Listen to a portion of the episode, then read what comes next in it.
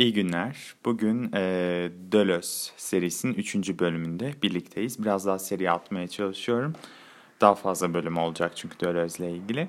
Bugün Dölös felsefesini aslında e, daha önceki derslerde bahsettiğimiz gibi e, Döloz'un e, kavram felsefesi. Yani aslında felsefesinin temel e, işlevi bir sürü e, kavramları e, felsefe dünyamıza kazandırmasıydı. Bu kavramlardan bahsedeceğiz ilk önce.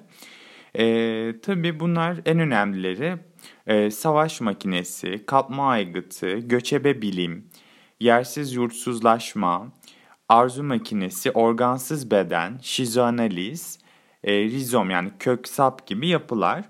E, bunların büyük bir kısmını e, Gattari ile birlikte geliştirdiler ve bu ikilinin birlikte yazdığı kitapların en önemlileri Anti-Oedipus ve Binya ile. Bunu da geçen derslerde bahsetmiştik. E, bu tabii e, terimleri en çok e, buldukları yerler birçok kaynaktan besleniliyor. Belirli bir yere sabitlemeye çalışan devlet aygıtı yani kapma aygıtı ile ilgili bir yere sabitlenmek isteyen göçebeler arasındaki ilişki Hint-Avrupa mitolojisinden mesela yola çıkarak e, e, ele aldılar. Onlara göre Hint-Avrupa mitolojisinde e, hükümranlık e, yani hükümdan hükümdarlık iki başlıdır. Bir büyücü kral var bildiğiniz gibi bu Türk mitolojisinde de biraz benzer bir şekilde belki vardır. Ve hukukçu papazın politik egemenliği. Bu iki ayrı kutup birbirine karşı görünseler de birbirlerini tamamlarlar. İkisi hem birbirinin düşmanı hem de birbirinin tamamlayıcısıdır. Devletin sahip olduğu şiddet insanları yakalar ve sabitler. Onun polisi ve gardiyanları vardır. Büyüsel bir kapma ile hareket eder. Yani her çeşit kavgayı önler, yakalar ve bağlar. Göçebeleri tanımlamak için savaş makinesi kavramını kullanan Deleuze ve Guattari'ye göre savaş makinesi e, devlet aygıtına indirgenemez. Onun egemenliğinin dışındadır. E, bu doğrultuda tabi Deleuze ve Guattari devlet aygıtı ve savaş makinesini iki farklı oyun üzerinden karşılaştırır. Yani onlara göre e, satranç oyunu mesela devleti örnekleyen bir oyundur. Orada her bir piyon bir asker, bir at bir süvaridir e, ve e, belirli bir şekilde kodlanmış ve konumu diğerlerine göre değişen bir sistem sistematik vardır. Oysa e, mesela Go oyunu böyle değildir. Onun piyonları e, tane tanedir ve pastil şeklindedir ve bir üçüncü şahıstır. Herhangi bir kişi veya bedeni temsil etmezler. O ilerler. Bu bir erkek, bir kadın, bir pire, bir fil olabilir. Go'nun piyonları, piyonları özneleşmemiş bir e, makinasal düz, e, düzenlemenin öğeleridir. Onların iç özellikleri yoktur. Sadece durumları vardır. Yani satrançta taşlar belli bir şekle e, sokulmuştur. Burada sembolik bir sistemde e, anlamları da vardır. Ama Go oyununda e, her piyon aslında aynı şekildedir. Sadece e, takımdaki piyonların safları gereği renkleri farklıdır. Ve burada onların aslında temsili bir özelliğini oyunun durumuna göre değişmesini e, iki farklı yolla satranç ve go oyununu kıyaslar. Mesela satrançta en az e, taşla bir alanı ele geçirmek önemlidir. Ama go oyununda ise bir mekandan başka bir mekana gidiş, ani saldırılar vardır. Yani mesela mekanı tutmak, bir mekandan başka bir mekana geçiş yapmak gerekebilir. Go'nun kaygan mekanının karşıtı satrancın pürtüklü mekanıdır. Devletin satrancın karşısında yani Go'nun yasası e, vardır. Satranç mekanı kodlar ve koddan çıkarır. Go ise ki mekanı başka bir türlü ele alır. Mekanı yani ne yapar? Yersiz yurtsuzlaştırır. Burada aslında bu e, an, bu, bu benzetme ile bir nevi başlıyor yersiz yurtsuzlaşma kavramını tanıtmaya. E, bu mimalde e, yersiz yurtsuzlaşma ve göçebe oluş aslında Deleuze düşüncesinin ana eksenini oluşturur. Onun göçebeliğe verdiği önem kapitalizm gibi sistemler tarafından kodlanıp ele geçirilememesidir. Göçebe yani sürekli yer değiştirebilen kaypak bir kavram. Onun için bir su yolu, bir dağ, bir vadi ancak bir işaret. Ama her zaman her şey işaret olabilir. O göçmen gibi bir yerde yerleşmek ve orayı yurt edinmek üzere hareket etmez. Onun yolu tanımlanmamış, belirlenmemiş, işaretlenmemiştir. Onun mekanı pürtüksüz ve kaygandır. Onun e, ne, diyelim e, paylaştırması da e, yerleşikten farklıdır. Her şey e, dağılmak içindir aslında. Yani etrafı çitle çevrilmemiş, sahiplenip ele geçilmemiş mekanda yaşar.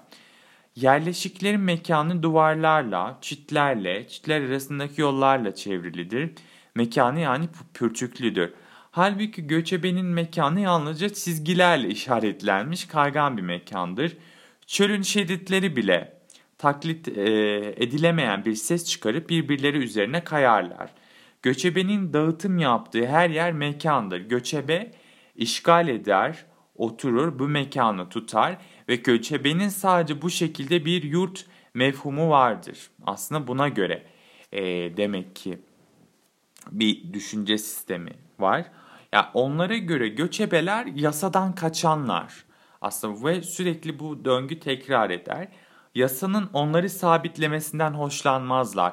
Yani işte bunu en e, somut örnek e, Osmanlı içerisindeki göçebe topluluklar yörüklerin sürekli bir e, mekandan başka bir mekana geçerek aslında e, Osmanlı e, merkezi yönetiminin bir nevi e, yasalaştırmasından, sabitlemesinden e, ve kitlelere katmasından kaçması. Sürekli bunu kaçıyorlar. Buna hoşlanmıyorlar.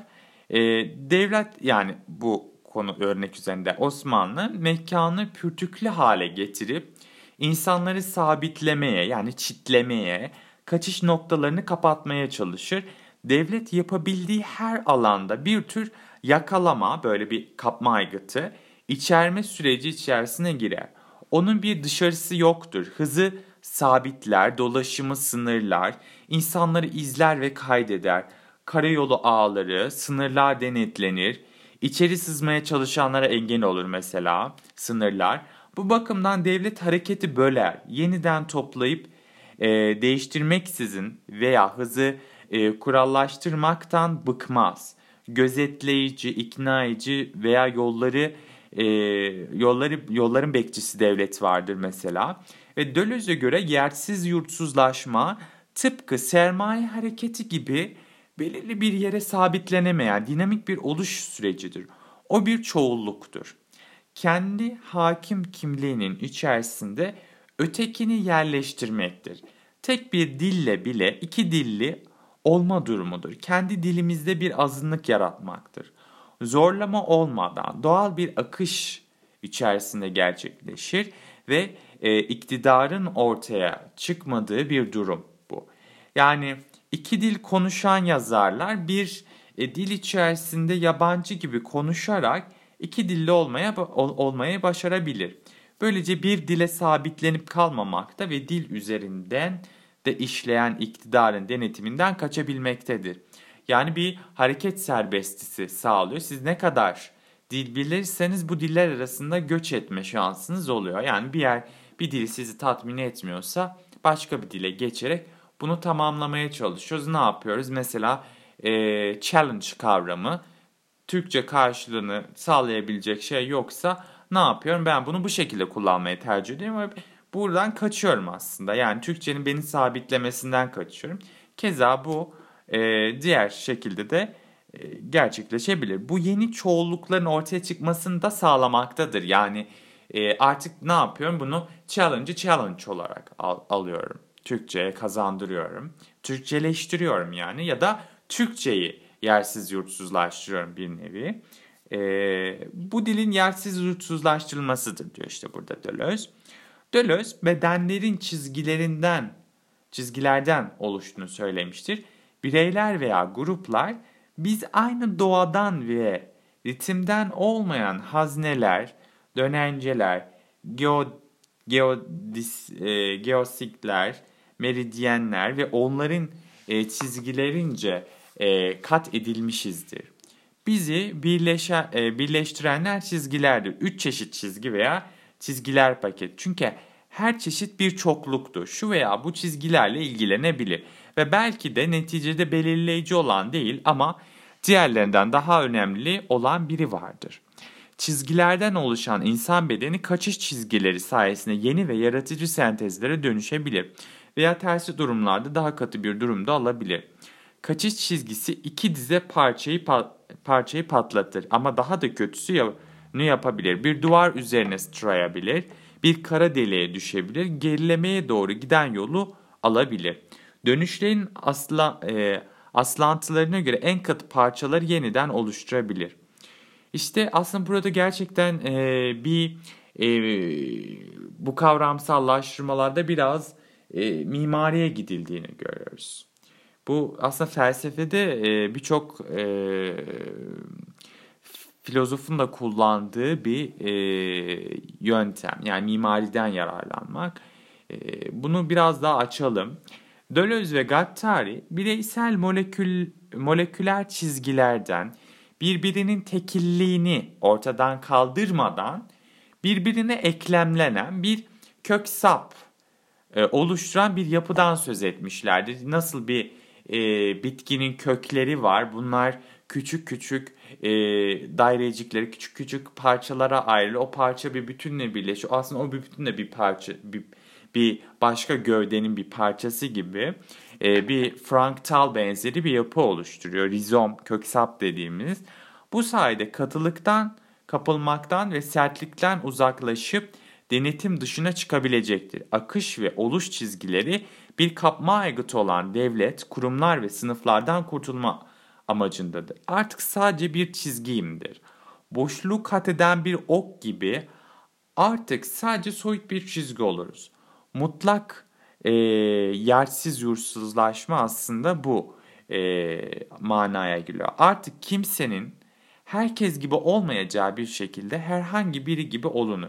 Yani bu sözler biraz tabii bize çok şiirsel, çok kapalı geliyor ama bu biraz daha felsefe her zaman e, bizim işte kitabı aldım okudum şunu çıkardım diyebileceğimiz bir şey değil. Defaatle okuduğumuzda sürekli olarak farklı anlamları çıkarttığımız bir şey. Çünkü aslında felsefecinin görevi bu bir an, e, bir parantez olarak söylüyorum. Felsefecinin görevi benim de düşüncenim biraz daha kişisel olarak düşündüğüm. Direkt bir şey anlatmak yani biraz deskriptif tarzda anlatıcı. Aa şöyle bu mavi şu kara şu ak değil. Aslında sezdirmek yani bu sezgi de şu anlama geliyor. Ben bir şey seziyorum ama bunu kelimelerle dökmek o kadar zor ki. Benim ulaştığım yola yolu size sezdirmeye çalışıyorum. Siz de o yoldan gelip belki benim göremediğim farklı şeyleri de benim gördüğümü eklemleyerek farklı bir şey ortaya koymamız. Aslında Deleuze'ü bu mantıkla okumak gerekiyor. Yani aa ben Deleuze'cü düşüncenin şunları şunlarını anlayacağım değil. Deleuze okuduğumda ben şunu çıkardım ya ben şunu sezdim şunu öğrendim gibi olması lazım. O yüzden bunlar sizi şey yapmasın ama bence Deleuze'ün en büyük özelliği de e, kitaplarının bir e, sanat eseri gibi okunması. Bu yüzden çok zevk veriyor insanlara ve herkes aslında farklı şeyler de öğreniyor. Şimdi konuya geri dönelim. Deleuze'ün bu kaçış çizgileri, yersiz uçsuzlaşma ve göçebe oluşu kapitalizm gibi sistemler tarafından kodlanıp sabitlenen bedenlere yönelik bir çıkış yolu. Bize bir demek ki çıkış yolu sunuyor. Ne yapıyor kapitalizm? İnsan bedeni e, üzerinden işlemekte olan bir sistem. Yaşamı olumlamakta ve insan enerjisini kapmaktadır. Deleuze'e göre kodlanmış beden imgesine karşı çıkış yolu organsız bedendir. Organsız beden nedir peki bu organsız beden? Kaotik, anarşik bir oluşu ifade eden, üzerinde kazınmış bütün sabit kimlikleri söküp atar. Bütün bu label dediğimiz etiketleri söküp atar. Hem erkek hem kadın kimliklerini dışlar. Böylece ikili karşıtlara dayalı cinsiyet, etnisite gibi bütün ayrımları ortadan kaldırır. Yani bu dualizmi, ikililikleri ortadan kaldıran bir şey organsız beden. Ve Deleuze ve Guattari birlikte geliştirdikleri kavramlardan biri de bu dediğimiz gibi rizom yani köksaptır. Köksap bir özneye ya da nesneye sabitlenebilen ama buna karşı hiçbir birliği ve bütünlüğü olmayan bir çokluk Sabit bir düzeni olmayan kök saplar kolayca başka öznelere öznelerle bağlantıya geçebilir. Kırıldığı yerden yeniden sap verir. Aynı bir e, bitkinin e, kökü kırıldığında o kökten yeni sapların ve köklerin e, çıkması gibi, yeni gövdelerin ve köklerin çıkması gibi, bunların yeniden köklenmesi gibi.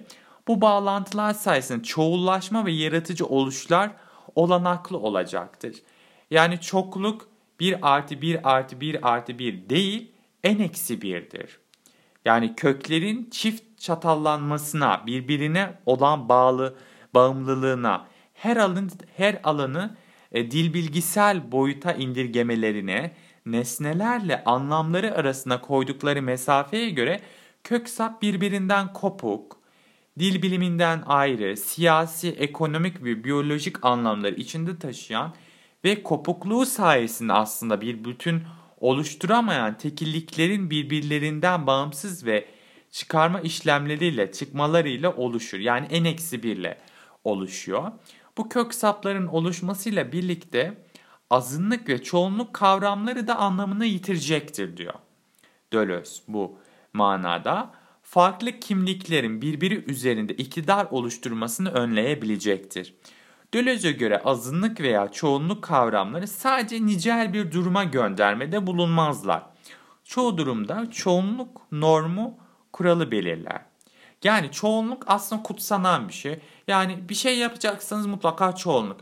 Ne diyor? Çoğunluğun dediği doğrudur filan. Mesela böyle bir e, saptamalar çıkıyor. Çoğunluğun kutsanması. Ötekinden bu norma bağlanmasını bekler.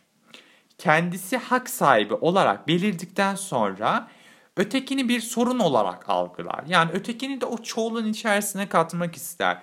Dölöz çoğunluk veya azınlık kavramları yerine oluş kavramlarını yerleştirmiştir. Dediğimiz gibi Dölöz felsefesi bir oluş felsefesidir. Çoğunluksal oluş yoktur diyor. Çoğunluk hiçbir zaman oluş değildir. Yalnızca azınlıksal oluş vardır. Kadınlar sayıları ne kadar olursa olsun durum ya da alt beraberlik olarak tanımlanabilecek bir azınlıktır. Ama ancak sahip olmadıkları kendilerinin de içeri girmesi gerektiği bir oluşu. Yani tüm insanı kadın olmayanlar da dahil ilgilendiren bir kadın oluşu olanaklı kılarak yaratmaktadırlar. Zen zenciler için de durum aynıdır. Eğer zencilerin de zenci olmaları gerekiyorsa bu oluş zenci olmayanları da etkiler. Yani e, zenci oluş aslında kendi içerisinde beyaz oluştan farklı bir oluş değildir. Yani bunu da şunu söylemek istiyorum benim algıladığım kadarıyla. Aslında hiç zenci, hiç e, beyazla e, karşılaşmamış bir zenci içinde e, aslında bir zenci kavramı, bir azını kavramı dolayısıyla yoktur. Çünkü hiçbir beyazla karşılaşmamış. Sadece kendi normunu, kendi bulunduğu e, konum, topos diyelim buna. Biraz daha antik felsefenin diliyle konuşalım. Kendi bulunduğu topos içerisinde değerlendiriyor bunu.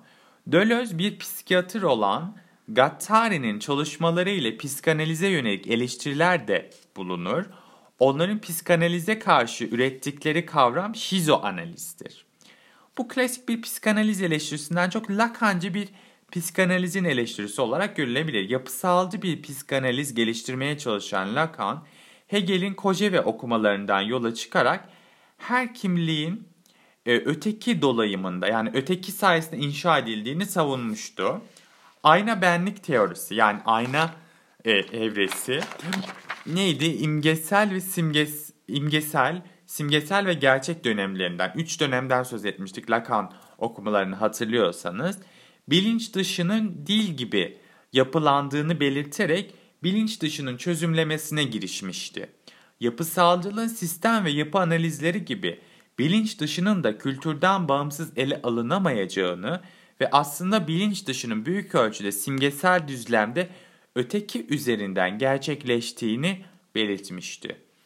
Hegel diyalektiğinden ve yapısalcılığın sistemi, sistem lehine yaptığı e, düzenlemelerden memnun olmayan Deleuze, şizi analizle hem klasik ve Lacancı psikanaliz hem de bir kapitalizm eleştirisi haline getirmektedir. Burada tabi şizo, şizofren e, dediğimiz şey aslında kodlanamayan ya da kodlanmaktan kaçınılabilen kişidir. Freud'un başarısı psikanaliz sayesinde nevrozları kabul edilebilir bir hastalık kategorisine eklemesidir. Yani e, böylece hafif rahatsızlıklar olarak görülen nevrozlar kapitalizm tarafından içerilmiştir. Fakat psikozlar denetim dışıdır. Burada biraz psikolojik kavramlara giriyoruz ama onlar kodlanamayan bedenlerdir. Kodlardan ve denetimden kaçmaktadır. Bir tür devrimcidirler aslında. Kapma aygıt olan devlet, kara, verimliliğe, pazarlama ve reklam endüstrisine dayanır. Şizofrenin devrimciliği kapitalist kodları bozucu bir etki göstermesidir. Yani şizofren bir insanı aslında tabii şizofren bir e, kendi içerisinde tekillik içerir. Yani tek bir şizofren yoktur. Yani şizofrenlerin çok farklı aslında böyle kategorize edilemeyen durumları var. Ne kadar ortak yönleri olsa da doğal olarak. Ve bunlar nedir arkadaşlar? Bir tanımlanmayan bir şey. Yani e, nedir? Bazı sistem dosyaları. Mesela bilgisayarda birçok sistem dosyası vardır. Ama bunların bazıları tanımlanamaz. Yani e, bu şey gibi bir şey. Yani DNA'daki birçok gen var aslında küçük. Ama bu genler pseudogen dediğimiz, yalancı genler dediğimiz işlevi henüz bilinemeyen ya da aslında bir işlevi de olmayan daha çok genler var değil mi? Bunlar aslında bedende var olan şeyler aynı şizofren e, ve şizofren e, şizofreni gibi yani normal normlar içerisinde normal normlar normal içerisinde bir e, nedir o kodlanamayan bir e, parçacık bir nesne bir kişi olarak ortaya çıkıyor. Devlet bunu kodlayamıyor. Bozucu bir etki gösteriyor. Ve Hollanda göre kapitalizm inanç ve değerlerin yerine nakit akışı koyarak insanları şizofreniye yakınlaştırıyor. Sermayenin yayılımı ve onun psikolojik yönetimi süreyen bir şizofreni tutumu meydana getirir. Paranoya insanları bir yere sabitlerken şizofreni bu bağı kaldırır ve insanı sabitlikten kurtarıp özgürleştirir. Bu psikolojik çöküntüden çok devrimci bir e, atılımdır e, diyor Holland. Burada Holland'a bir alıntı yapıyor Deleuze.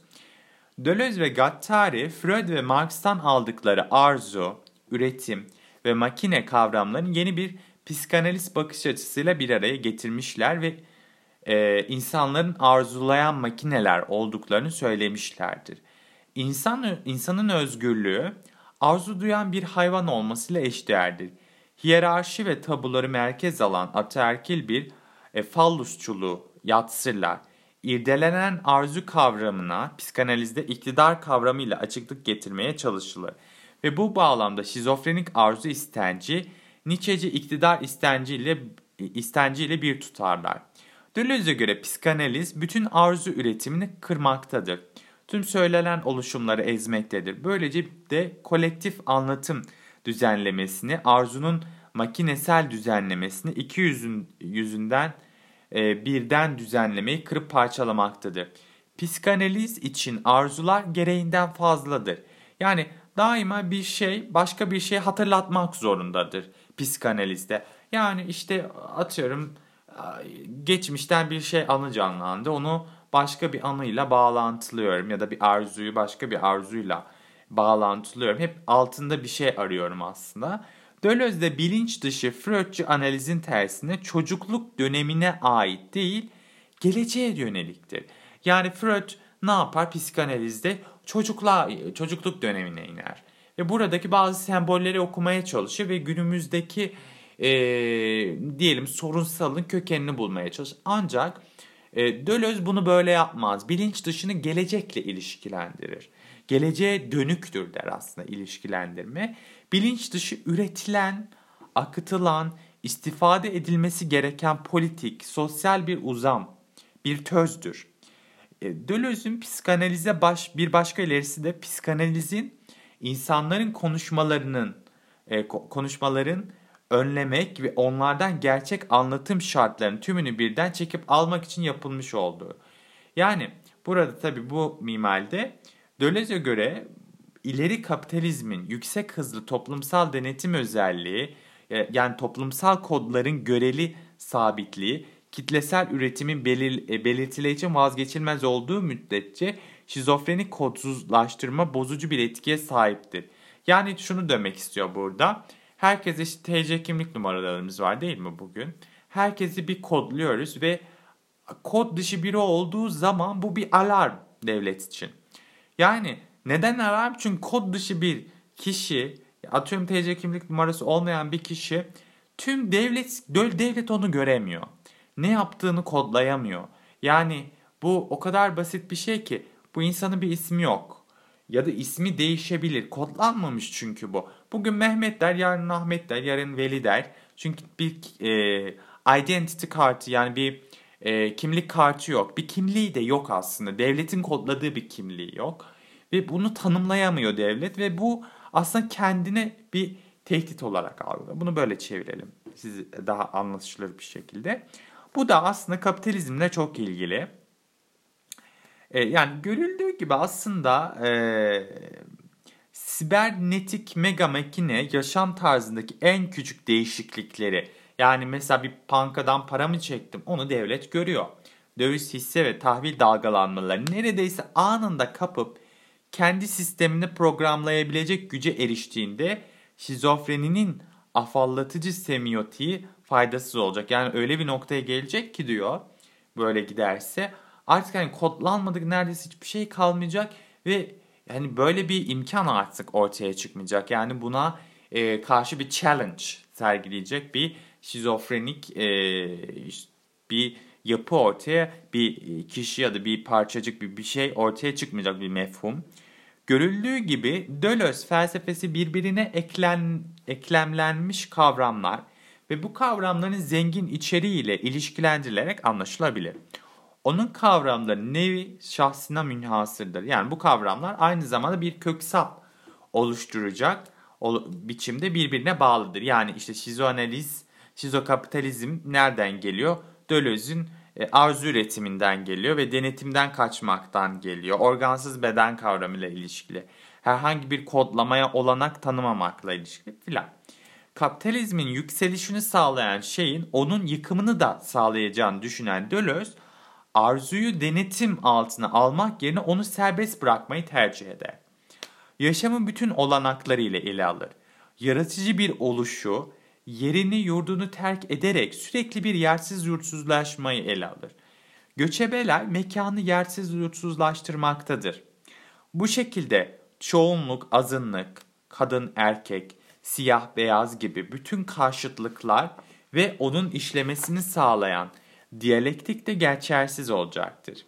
Tekilliklerin bir çoğulluk üretmeden bir araya gelişi ve sistemin çarklarına karşı duruşudur. Bu aslında e, tabii bu e, organsız beden, yersiz huzursuzlaşma bugünkü göçebe e, çalışmaları, ne göç çalışmaları mı deniyor? Yani migration studies dediğimiz e, sosyolojik araştırmaları da aslında Deleuze çok büyük faydası dokunuyor. Bu tekilliğin aslında dediğimiz gibi bir çoğulluk üretmeden, bu çok önemli, bir çoğulluk üretmeden bir araya gelmesi e, bağlamında bir e, göçebe oluştan bahsediyor. Ve bunu da işte e, günümüzdeki toplumsal olayların okumasında e, kullanıyor. İşte bu bu mimaride gelecek dersimizde Deleuze felsefesi ve bu felsefe e, çerçevesinde ortaya çıkan yeni toplumsal hareketlerden bahsedeceğiz. Bu hareketlerin e, yani Deleuze felsefesi bunlara ne kattı? Bunlar Deleuze felsefesine ne kattı? Bunlardan bahsedeceğiz ve e, Deleuze'ün e, son kez e, sonuçlandıracağız e, ve bu sayede bitireceğiz. Beni dinlediğiniz için teşekkür ederim. E, diğer e, bölümümüzde görüşmek üzere.